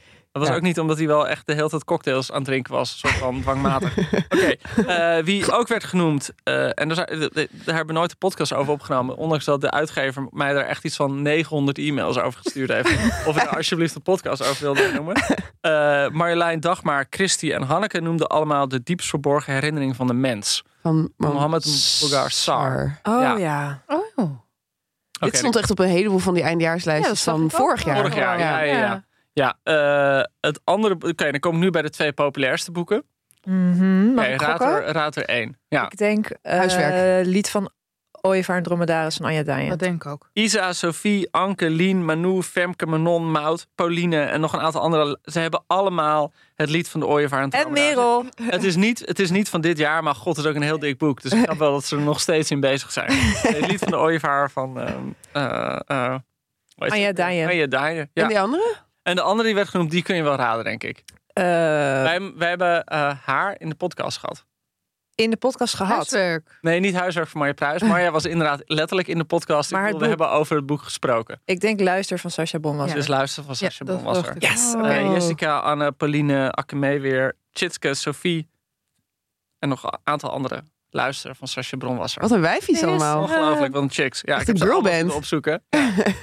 Allemaal over Ja, wie was de leukste? nou, Eh, Sophie. Ja, sorry. Ah. Nee, nee, Ja. die heeft niks ingestuurd, want die, die eh, luistert niet meer. Heb jij een concreter antwoord dan ik, Ellen? Een concreet op, favoriete boek van het jaar. Ja, Nee, onze knapste luisteraar. Nou, dat, dat was Mathieu Segers. oh, dat was zeker was Segers. Zeker Mathieu Een hele knappe man. Hele knappe man. Mag ik even zeggen hoe kut ik het vind dat hij dood is? Heel snel. Dat mag, tuurlijk. Super, 47. super kut. Eh, wat een parel. Wat, wat, en want, trouwens even, niet, niet, niet voor de web- wij van WC, maar wat heeft hij goede stukken gemaakt voor de Groene? Ja, Wat, zeker wat, weten. een, wat een licht. Nee, dat is iemand die Ehm, niet zomaar eh, Vergeet. opvangen. Ehm, los daarvan, ehm, mijn lievelingsboek van het jaar. Kijk, luister, ik heb dit jaar heel veel lopen herlezen. Het hele oeuvre van Couperus, nou, met de Stille Kracht hebben we een uitzending over Ja. gemaakt. Ehm, ik heb alles van Gorter herlezen, want ik heb er een boekje over geschreven in de maandenreeks voor Das Mag. Als ik kijk naar de dingen die ik vrijwillig heb gelezen, weet je wel. Ik heb net Verdwijnpunt gelezen van Wiske Versteeg. Was dat leuk? En het was fantastisch. Dat was zo ontzettend goed. Het boek gaat over trauma en hoe zich dat in je lichaam vastzet. Dus eigenlijk een beetje zoals de Body Keeps the Score van Wessel van der Kolk. Maar het is ook een memoire van haar eigen ervaringen met trauma. Het is een bespiegeling op wat kunst kan, wat, wat, wat de limieten zijn van zen-boeddhisme. eh, Als het gaat om het eh, verdragen van lijden. Het is zo goed geschreven. Ja, het is Wie- Wieske Verstegen. Dat is natuurlijk misschien wel een van de allerbeste schrijvers die we nu hebben. Weet je, die, die gaat ook weer op voor de Libris, ongetwijfeld. En ja, ze is een vriendin, maar ik ben net begonnen in Leer me alles wat je weet van Hanna Bervoets. Ik ga daar gewoon heel lekker op. Wel een beetje in deze traditie, als we het over Anne Karenina hebben, toch? Zo'n superlijvige familieroman Heerlijk. eigenlijk. Heerlijk, heerlijk. Joost, wa- wat was jouw favoriet? Nou ja, ik, het, het gekke is inderdaad altijd als je kijkt wat je leest. En bij de Groene hebben we altijd de regel dat de recensent alleen boeken mogen noemen die dit jaar verschenen zijn. Eh, toen heb ik eh, De Pol genoemd van Coetzee-. Die is een beetje onder de radar gebleven. Ja, een beetje gek, gek onder de radar gebleven. Maar voor een hele fijne novelle. Gaat het over asperges plukken? Nee, het gaat over een Pool. eh, dat wel. Maar deze Pool speelt piano. En die treedt op in eh. Barcelona. Is Chopin? Uiteraard speelt hij Chopin. En dan speelt hij heel slecht. Of heel horkerig. Maar volgens hem is dat de enige manier waarop je Chopin hoort. Eh, en dan dat gezelschap waar hij, die hem uitnodigt in... je- gezelschap dat hem uitnodigt in Barcelona denkt... oh, hij zal het wel weten. Dus zij zitten naar een horkerige Chopin. En hij verklaart dan opeens zijn liefde aan een van de gastvrouwen. En het boek heeft heel erg haar perspectief. En die denkt de hele tijd, ja, wat moet ik met deze oude pianist, met deze oude Pol? En toch ontstaat er een affaire. Terwijl zij eigenlijk het hele boek lang, hij gaat ook dood. Weet je wel, dan moeten ze de as op gaan halen. Dus ze zitten heel te denken van, ik wil eigenlijk niks met deze man. En toch heb ik zijn hele leven in mijn handen. En dat is een heel grappig boek, omdat zij heel stug is. En tegelijkertijd ga je wel als lezer denken van, hé, hey, er is hier wel degelijk een liefde gaande. Kan, kan, kan ik nog heel veel derde beurt repair doen en even iets terugpakken? Ja. En dat, jongens, lieve luisteren, als ik een grap maak over Polen en asperges plukken, is natuurlijk omdat ik zelf kwart Pools ben. Hè? In de familie hebben we daar alleen maar grappen over. Dat zou ik ook zeggen. Ik heet Dirk Wits dan kan je iets Luister, wij hebben grappen van, oh, wil je mama bereiken? Bel even het Polenmeldpunt. Dus goed, terug naar jou. Dat ik niet... eh, Nee, nee, nee. Nee. Dat Opeens- we niet onze Poolse luisteraars kwijtraken. Nee, wat wat ik ook nog noemde eh, in de ik, groene... eh, was gewoon een boek wat ik heel lang op mijn bureau had liggen... en af en toe een beetje in lijst, las... Was, waren de dagboeken van Cees Notenboom. Oh, daar was je heel De enthousiast danser en de over. monnik. En ja, dat, behalve dat het een soort van leven toont... en een 20e eeuw toont waar je niet meer bij kan... is het ook heel mooi, ja, die, die notenboomstijl. Dus ik had dit opgeschreven als citaat. Dit noteert hij dan in zijn dagboek, uit 1990 of zo. Vannacht duizenden slakken op weg van Villa Carlos naar San Luis. Onmogelijk om ze te vermijden. Het zachte kraken onder de autobanden. Zelfmoordlegers. Ze willen het water en vinden de dood. Het klonk als gefluister. Wow. Heel mooi als je dat soort dingen in je dagboek. Ik had, ook, ik had er geen Oh. ruimte meer voor in de groene. Ik had ook nog wel The Fraud van Zadie Smith willen lezen. Een boek wat ik echt met heel veel plezier las. Maar ja, ja, en ik had eigenlijk ook Lessons van Ian McEwan willen lezen. Dat las ik ook pas dit jaar, maar dat was ook het jaar ervoor. Dat vond ik echt een meesterlijk, meesterlijk boek. En twee boeken die ik erop had staan die wat ouder zijn. Eh, ik heb voor het eerst de verhalen van John Cheever gelezen. En dat is wel echt geweldig. Ja? Eh, dat is echt die, ja, dat mid-century Amerika en die gezins- en familie. Ja, zo van die verhalen van twintig bladzijden waarin een heel leven. eh, ja, de, de- de tragiek en de glorie van een heel leven te sprake komt. Vond ik echt heel, heel mooi gedaan. En wat ik net gelezen heb, eh, was A Long, Long Way van Sebastian Barry. Eh, uit 2006 gaat over een eh, ja, Ierse soldaat in de Eerste Wereldoorlog. Die, die daarvoor het, het Koninkrijk Brittannië vecht. Terwijl Ierland eigenlijk onafhankelijk wil worden. En, daar, en het is gewoon zo mooi over angst en over verbondenheid. Een geweldige stijl. Dus dat, dat was voor mij wel echt een van de, de grote ontdekkingen. A Long, Long Way. En als we dan doorgaan met lijstjes, jongens. even- Maar wacht, heb, heeft, heb jij nou... Ja, heb je nou alleen Frank Nelle? Ik bedoel, we hebben zelf een boek genoemd. Nee. Moet jij ook iets noemen? Nee, ik zei Enduring Love. Oké, oké. dus Journal Love. Ik dacht, misschien heb je nog wel meer. Nou, en de dagboeken van mensen van Keulen heb ik met heel veel Oh ja, die gelezen. zijn heel leuk. Daar is het laatste deel dit jaar van verschenen. Eh, moeder en kind. Nee, er moeder en pen. vers- Verschijnen er niet nog meer? Oh, ik, dacht, ik heb altijd gedacht dat het een trilogie was. Maar dat is natuurlijk... nou nee, maar dat, misschien heb ik gewoon geen gelijk. Maar het meest recente deel is dit jaar verschenen. Dan verschijnen volgend jaar ook weer Fax aan Ger, geloof ik. Ja, die hou ik niet meer bij. Die hou ik niet meer bij. Ja. Eh, ehm, nee, maar Moeder en Pen heet het. Eh, en daarin heeft ze eindelijk het kind dat ze al die tijd wilde. Maar komt ze toch wel achter dat dat best een guur leven oplevert. Waar je nooit aan schrijven toe komt. Maar wat ik wel zo grappig vind in die dagboeken van mensen van Keulen. Dat je dat, dat ze dat overal in de auto naartoe gaat. Echt zo Ja. van, oh, ik ga naar, Naar de, de pels. pels. Ik ga naar de pels in de auto. Ja. Dat je echt denkt, ik parkeer hem daar op de stoep. Ja, dat kon toen nog. Dat kon Dronken ook. Kun je gewoon dronken, dronken gewoon over de gracht rijden, je auto parkeren op de stoep. Wow. Ja. Dat vind ik inderdaad het, het allerinteressantste aan die dagboeken. Was Ja. dat ze in de auto zit. En dat ze gewoon nergens aan toe komt. Omdat ze de hele tijd gewoon van die alledaagse dingen aan het doen is. Zoals paling kopen of zo. Ehm, nee, dus dat was ook wel echt een favoriet. Ja, dat gaat nu veel sneller, hè, paling kopen. Gewoon online. Ik bestel al mijn paling online. een tonnetje. Hoeveel een tonnetje paling binnen. Ga ik ze roken in de schuur. Godsamme, wat lekker kerstdiner dat, hoor. Komen, jullie komen bij mij, toch? Ja, ik heb een paling. Oké, we gaan er wat sneller doorheen. er Eh, jongens, favoriete films. Tar. Tar. Heb ik ook opgeschreven. Tar. Tar. Tar. Drie tar. Tar. Heb jij hem En- gezien, Merel? Zeker. Ja. Mooie film. Mooie film. Topfilm. Jongens, eh, beste serie. Oh, mag ik ook nog noemen The Banshees of Inisherin? Oh ja, mee. Oh, Merel wil wat zeggen, jongens. Oh, Merel wil het zeggen. Nou, ook Merel een is eh, ook naar de film heeft een geweest dit jaar. Daar gaan we. Eh Merel heeft een mening. Perfect Days. Dat is de nieuwe Win Wenders. En die is net uit. En het is echt... Het gaat eigenlijk over een man. Een Japanse man die woont in Tokio. Die maakt voor zijn werk eh, de openbare toiletten schoon. Die daar door de stad heen Ik heb trailer gezien. Het zag er geweldig uit. Ja, Ja. en het is echt prachtig. Ik zag dat hij ingezonden is, dat hij op de shortlist staat voor buitenlandse Oscars, film bij de ja. Oscars. Ik wil er niet te veel. Nou ja, het is niet echt. Je ga- ik kan niet echt iets spoilen. Het gaat heel erg over de routine van zijn leven en hoe hij heel erg geniet van alle kleine dingen die er voorbij komen elke dag. Ehm, het is echt prachtig. Oké. Dus gaat dat zien. Voor, voor in de bios. Goed, jongens. Series. Mag ik hem beginnen? Ja. Last of Us. Ja, ja, last was. Het was en, en gruwelijk en tegelijkertijd zo mooi en lief af en toe. Ja. En iedereen noemt natuurlijk die derde aflevering. Die ook voor allemaal Emmys. De hele Ja. cast is voor de Ja. Emmys Ja. screenwriting. Heb je het gezien, Charlotte Last of Us? Nou, Nee. we gaan met z'n op de, op de bank kijken deze kerstvakantie. Eh, Joost, jij favoriete serie? Ja, het voelt, eh, ja, Succession vond ik wel echt onovertroffen. Dat, Heb je vorig jaar ook gedaan? ja, maar dat, ja, dat is ook elk jaar het beste, het beste dat er is. En, en, en nu is het echt afgelopen. Niet spoilen. Wel, oh. Niet, nee, nee, nee, niks zeggen. Lalalala. Ik ben, ik zit bij Eh, eeuwig in Wat ik met heel veel plezier heb zitten kijken, die wil ik nog tippen, want daar heb ik weinig meer eens over gehoord. Die vind jij, Ellen Dekwits, ook heerlijk. Blue Eyed Samurai. Je mij geappt? Ik ja. heb het geappt. Heb je het al gekeken? Nee, daar heb ik nog Dat niet echt, lijkt me helemaal iets, gehad. iets ja? voor jou. Ja, ja, ja. Dat, gaat, dat is een tekenserie. Eh, heel heftig en ook sexy, gek genoeg. eh, over juist, vind ik een, een en vrouwelijke sexy. samurai die zich als man voor moet doen in Japan. Om wraak te nemen op. Ja, er zijn, zij, is, zij is deels, eh, zij is half Europees. En, en dus een Europeaan heeft haar moeder ooit verkracht. En zij gaat wraak nemen op de vier witte mannen die er in Japan zijn. Want één van hen moet het hebben Oh, gedaan. dat is gewoon Grieks tragedie. En eh, ja, het is echt een Griekse Maar ook een tragedie. beetje En- Mamma Mia of zo. En, ja, Nee, nee, nee, Charlotte, nee. Ja, ehm, wat ik ook voor het- wat ik dit jaar eigenlijk heel goed vond en met heel veel plezier is Slow Horses.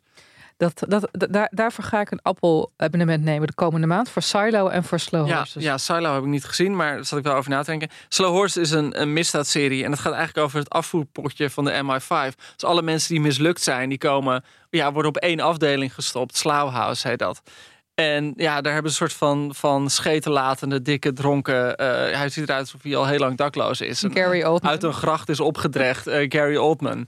en die dan eigenlijk stiekem een hele goede spion is. Maar het is een combinatie van en heel grappig en ook gewoon echt spannend en goed. En met Kristen een geweldige Scott cast. Thomas. Kristen Scott Ja, Thomas. Ja, dan kan je naar- ik kan blijven kijken. Ja, ik ook. Ja. Charlotte.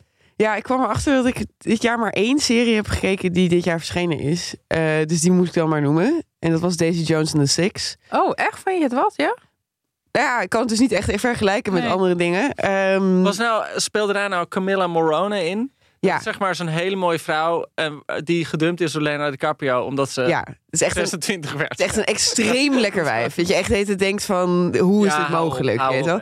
En de, de hoofdrolspeelster is de kleindochter van Elvis Presley. Eh, eh, en zij Oh, Riley ook ja. En ze ja, doet het dingen. heel erg goed. Dus ik vond haar wel heel erg goed. Maar ik vond de mannelijke tegenspeler die 27 had moeten zijn en 50 was, Ja. had ik een beetje moeite mee. Het gaat een beetje In de traditie eh, van Grease. Fleetwood Mac, toch? Ja, het gaat inderdaad precies. soort- Zij is een soort, zij speelt een soort Stevie Nicks. Ja. Dus het gaat ook over zo'n band die dan muziek maakt, maar tevens ook onderling allemaal eh, liefdesverhoudingen heeft en daar dan muziek over maakt. Eh, en dat was natuurlijk bij Fleetwood Mac ook zo. En ze hebben daar ook een heel album voor geschreven in de stijl van Fleetwood Mac. Nou, het is lang niet zo goed als Fleetwood Mac, maar best goed gelukt. Dus ik heb het nog met veel plezier gekeken. Ehm, en ik had het boek ook best, wel veel plezier gelezen. Dat was voor toen ik nog een rubriek over jeugdboeken had. Ehm, eigenlijk het enige jeugdboek dat ik afgelopen jaar heb gelezen dat echt gewoon superleuk was. En ook voor volwassenen leuk.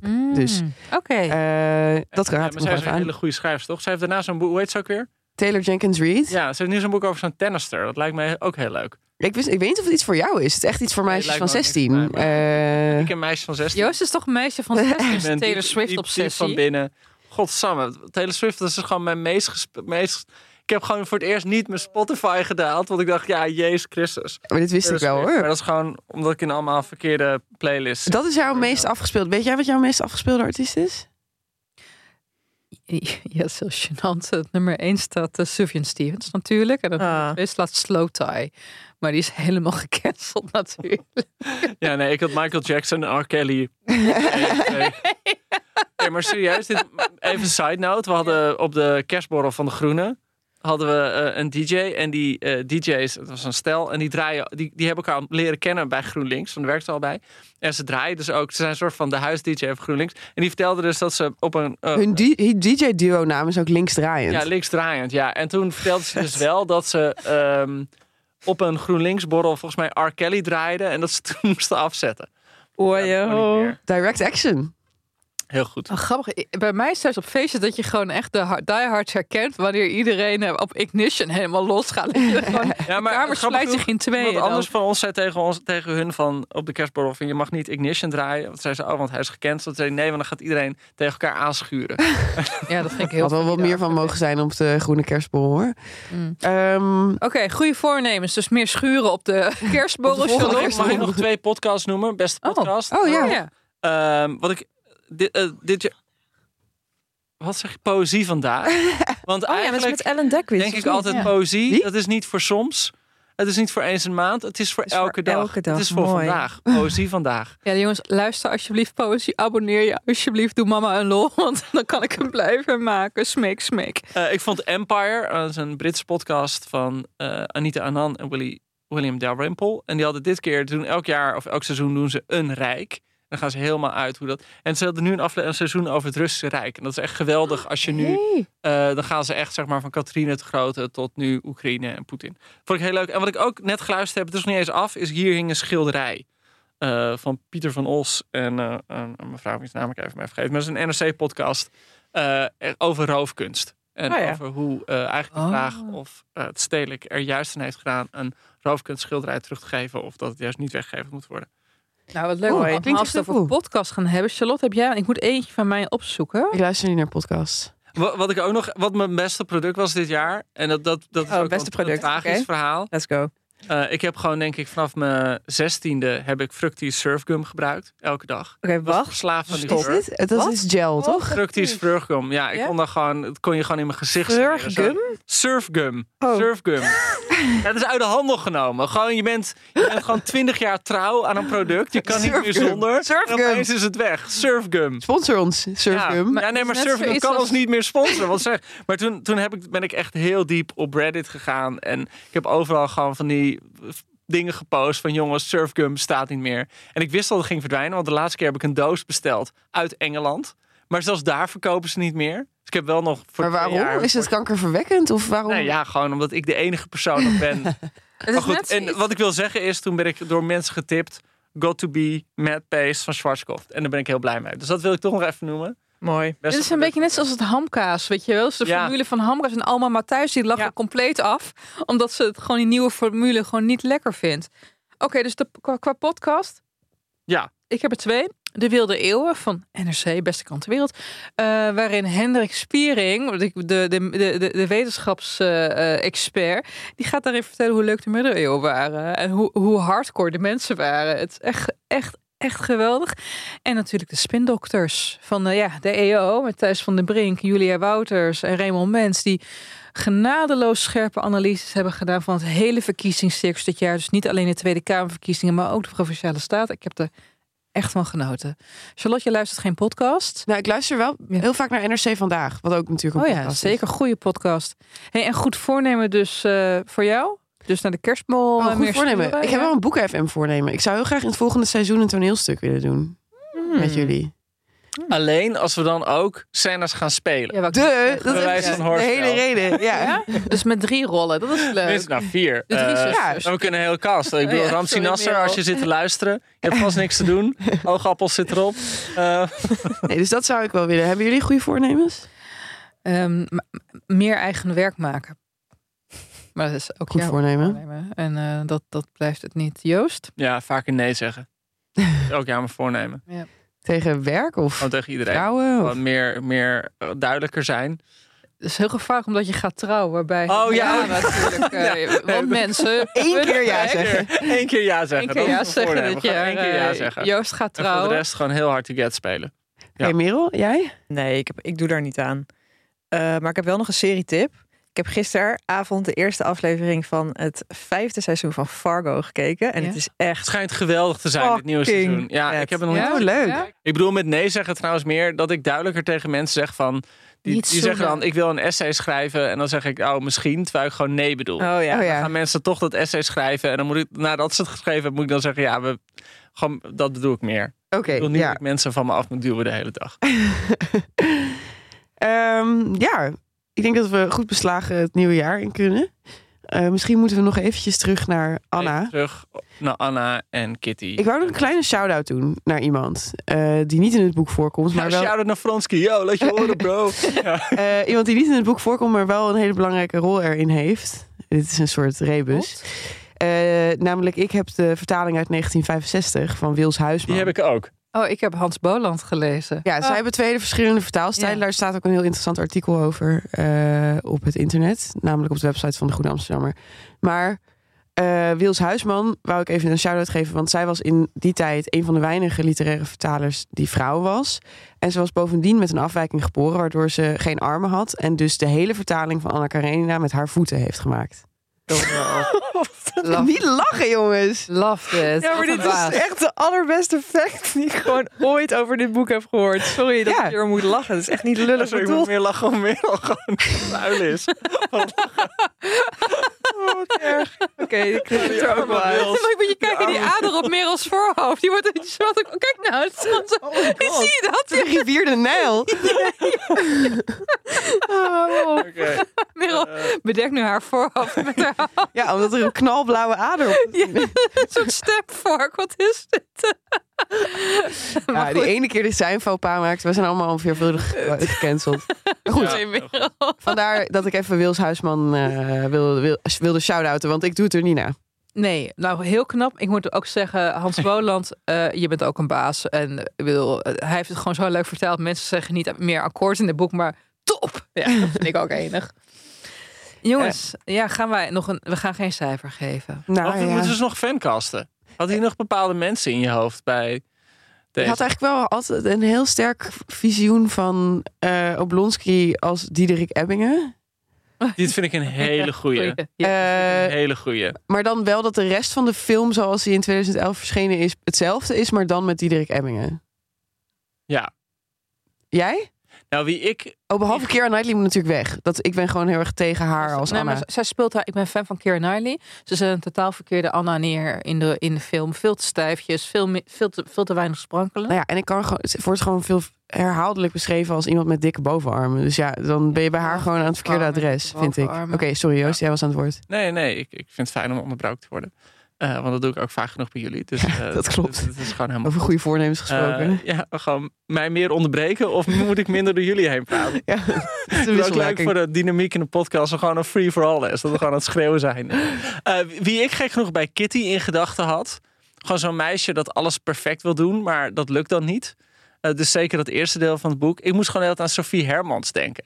Gewoon zo iemand die dan zo heel erg de best gedaan heeft om de, de goede rok aan te trekken. En gewoon die krullen een beetje in bedankt te hebben. En dan denken van nu komt het wel goed. Maar nee, bam, het komt niet goed. Ik zag Doortje Smithuizen een beetje voor me. Oh ja. En onze Smit. collega. ja. Jij? Nou jongens, Lewin is natuurlijk Domhnall Gleeson. Ja, hij was was perfect wel echt gecast. een hele goede Wat een domme goede cast. Maar ik had dus wel Rutger Bregman in gedachten. Ja, maar dat vind ik heel erg, want jij hebt hem nu echt voor mij verpest. Ja, vind ik niet leuk. Vind ik niet leuk, Joost. Eh, als we eens even kijken naar Karenin. Wie kunnen we er daarvoor nemen? Dat moet gewoon een hele... Nou, dan hebben we het net eigenlijk al een beetje een hele duffe saaie bureaucraat. Nee, maar meer, ik zie hem dus niet als duf en saai. Hij is eerder gewichtig en star. Ja. Ik dacht gewoon Sibrand Buma. Oh, Gewoon zo- dat, dat zou Met geen een stevige kaak en een neus. En dan zegt, nou, laten we het gewoon eventjes En bij elkaar. Fronsky, jongens. eh, fuckboy nummer 1. Fronsky, een beetje een lullo. Ja, gewoon slaat aan Ibrahim. Timo, nee, Timothée. Shalala. Oh, Nee, niet. Timothée. Oh. Nee, maar hij moet veel dommer. Ik zie gewoon Enzo Knol heel erg voor me. Ja. Die wordt ja. vader, hè? Ja, of zo'n voetballer. Ja, precies. Zo'n... ja, zo'n- misschien nog op zijn allergunstig dan. Matthijs de Licht of zo. Het wel, wel zo'n lieve Ja, maar die is, voetballer. die is wel slim, volgens mij. Ja, dat is de enige die VWO heeft gedaan, ja, geloof ja. ik. Nee, eh Frenkie ook. Oh ja. Nou ja, Frenkie had het wel ook kunnen zijn. Want hij moet soort van gedrongen zijn. Toch? Hij is niet, niet lang, Nee, Bronski. nee. En, en, een, en, we geven- en een Douwe Bob. Ik vind het ook van Douwe Ja, Bob. Douwe, ja, zoiets. Douwe Bob. die is te Ja, vlezig. Ja. Eh, dat je te vlezig, inderdaad. vetshamen? Wat is dit nou, Charlotte? Heb je ooit die fotoshoot gezien van hem in de Le Homo? Nee. Dat was met een paard. Dat hij dan zo zonder broek aan over een paard heen ligt. Oh, dat is wel helemaal in de, in de stijl van het boek. Ja. Ja, precies. En dat paard breekt zijn rug, dus ook vanwege het Ja. gewicht van uh, Douwe Bob. Is Ja. helemaal de Douwe stijl van het boek. I love this. Eh, maar we hebben nog geen overtuigende Anna's tevoorschijn gehaald. Oh ja, dat is toch wel een moeilijk Eh, onderwerp. Katja Schuurman zou ik... Ja, ook, die heeft ook een te, te Ja. smal kaakje, toch? Maar gaat het nu op het kaakje? Ik, ik weet niet of het op het kaakje gaat. Ik vind die boven, bovenarmen wel heel belangrijk. wel zo'n zo'n zeldzaam iemand. Nou, laat maar. want Ik wilde gewoon niet heel objectiviserend gaan zeggen.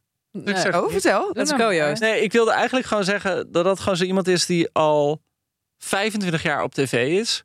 En nog steeds, elke keer als je er ziet, denk je: Jezus, wat een mooie vrouw. Oh, ja, Ja. dat is En wat- inderdaad- Ja, Ja, dat meestal, meestal op een gegeven moment denk je: Ja, oh, hebben we die weer. Nee, ze houdt het fris. Ze houdt het fris. Hoe heet ook weer die actrice die ook eh, onze collega podcast over films maakt? Anna Drey. Anna Oh, ja. Drijver. Ja. Is dat geen Anna? Nee, ze is te slank. ja. die is ook te Is slank. ook erg slank, ja. Ze is te slank. Even kijken, jongens. Maar Ja, Kate Winslet, maar dat mocht niet van jullie. Jij zei dat Kate Winslet eruit ziet als een vrouw die bij de kruidvat werkt. Hey, ik wil niks te nadelen zeggen over, over mensen bij het kruidvat. Ik, maar jij had, we hadden het gewoon. Sorry, dit, dit- je, je, je citeert nu iets dat wat buiten de podcast is gezegd. Maar jij vergeleken met Keira Knightley. En Keira Knightley is echt zo'n precieuze bloem. Ja, En, en Kate Winslet is gewoon een, een goede bossage ergens eh, eh, in het park. Ja, oh, Ja, deze metafoor. boshout voor de deur. eh, nou ja, goed. Anyway, maar ik vind gewoon dat Anna... Zij heeft ook een gevoel voor humor en zo. Ik vind Keira Knightley niet een gevoel voor humor hebben. Dat ben ik wel. Kate heeft gevoel voor humor. Ja, Doe je Ke- Anna ja, Drijver. Oh, je bedoelt Anna Anna- Karenina. Oeh, het loopt nu heel erg door elkaar. In de versie die in mijn hoofd bestaat, namelijk gespeeld door Kate Winslet, is veel speelser en goed lachser. Wat vinden jullie van? En het klinkt dan lullig als ik zeg een jonge D&D, maar ik zeg het toch zo. Een jonge Femke Halsma. Zeg maar toen ze nog lijsttrekker van GroenLinks was. Gewoon zo heel knap en zo heel serieus. maar ook zo iemand waarvan je denkt, op een dag valt het allemaal uit je handen. Oh, is Jolande Sap Is- inderdaad. nee, nee, nee. De stekkerdoos. Lang, Stekkerdoos, la- la- ja. lang technisch verhaal. Ja. Maar, ja, maar oké. we- we- we Wie komen- denk jij, Ellen? We komen, nee, ik weet. Mm, misschien een hele jonge Monica Bellucci. Maar misschien is zij weer net te zwoel. Ja, die Dus is wel heel ja, het is wel heel sexy. Zwoelie. Die is wel echt, ja. Dat had het niet zo lang geduurd hoor. Banana Die Rider. Banana Rider. Winona Ryder Heeft zou een hele goede Boezem, zijn. boezem. Nou, Echt een beetje sorry hoor. Winona. Ryder is te wide-eyed. Je weet wel. Je moet wel iemand met half geloken wereldse ogen. Amandelvormige Kate Winslet ogen. Ja, daar komen Ja. toch daar weer op uit, hè? Grappig hoe dat altijd weer eindigt bij Kate Winslet. Ja. Nou, jongens. Nou, Oké, ik vrees eh, dat we moeten gaan afronden. Want Lef, bedankt voor het boek. het wordt weer tijd het voor... ehm, lekker gewerkt, eh, Tolstoy. Ja. Tolstoy is, zeg ik altijd. Ja. nee. Nee. Ik bedacht hem opeens. En toen eh, zat er geen filter in mijn hoofd. Ik moest zeggen. eh, nou, je had wel lef. Ik had wel lef. Hey, I see what you did. Oké jongens, Eh, heel erg bedankt voor nog een seizoen Boeken FM. Nog een jaar Boeken FM. Eh, Volgende. nog een jaar op deze aarde met z'n allen. Eh, we zien jullie heel graag terug in het nieuwe jaar. Eh, hopelijk nog met al deze mensen. We gaan straks iemand van het eiland stemmen. Ja. Daar komen jullie achter eh, over een paar weken. Nou, wat jullie niet weten, is ik, ik heb de kokosnoot. dus ik ben De onsterfelijk. ananas gejat. Oké, we hebben in ieder geval een heel fijn jaar met jullie gehad. Eh, hopelijk jullie ook met ons. Eh, heel erg bedankt. Bedankt Joost, bedankt Ellen, bedankt Merel. Bedankt onze eregast die er nu niet is, Marja. Bedankt de Groene Amsterdammer, bedankt, Bas Dasmag, Heijnen. Bas Heijnen. Eh, Dag en Nacht Media. Ja. Eh, Starbucks. Starbucks, niet Starbucks. vergeten. Take 10, jongens. Ik weet Eh, niet hoe lang deze podcast aan het luisteren zijn. Maar ik zeg altijd, 90 minuten merkt, gewerkt. Even take 10 voor jezelf we, hoeven niet eens, we worden niet eens gesponsord deze aflevering. Nou Ze goed, hebben me gewoon gekocht en ze hebben me voor eeuwig. tot volgend jaar. Doei. Doei.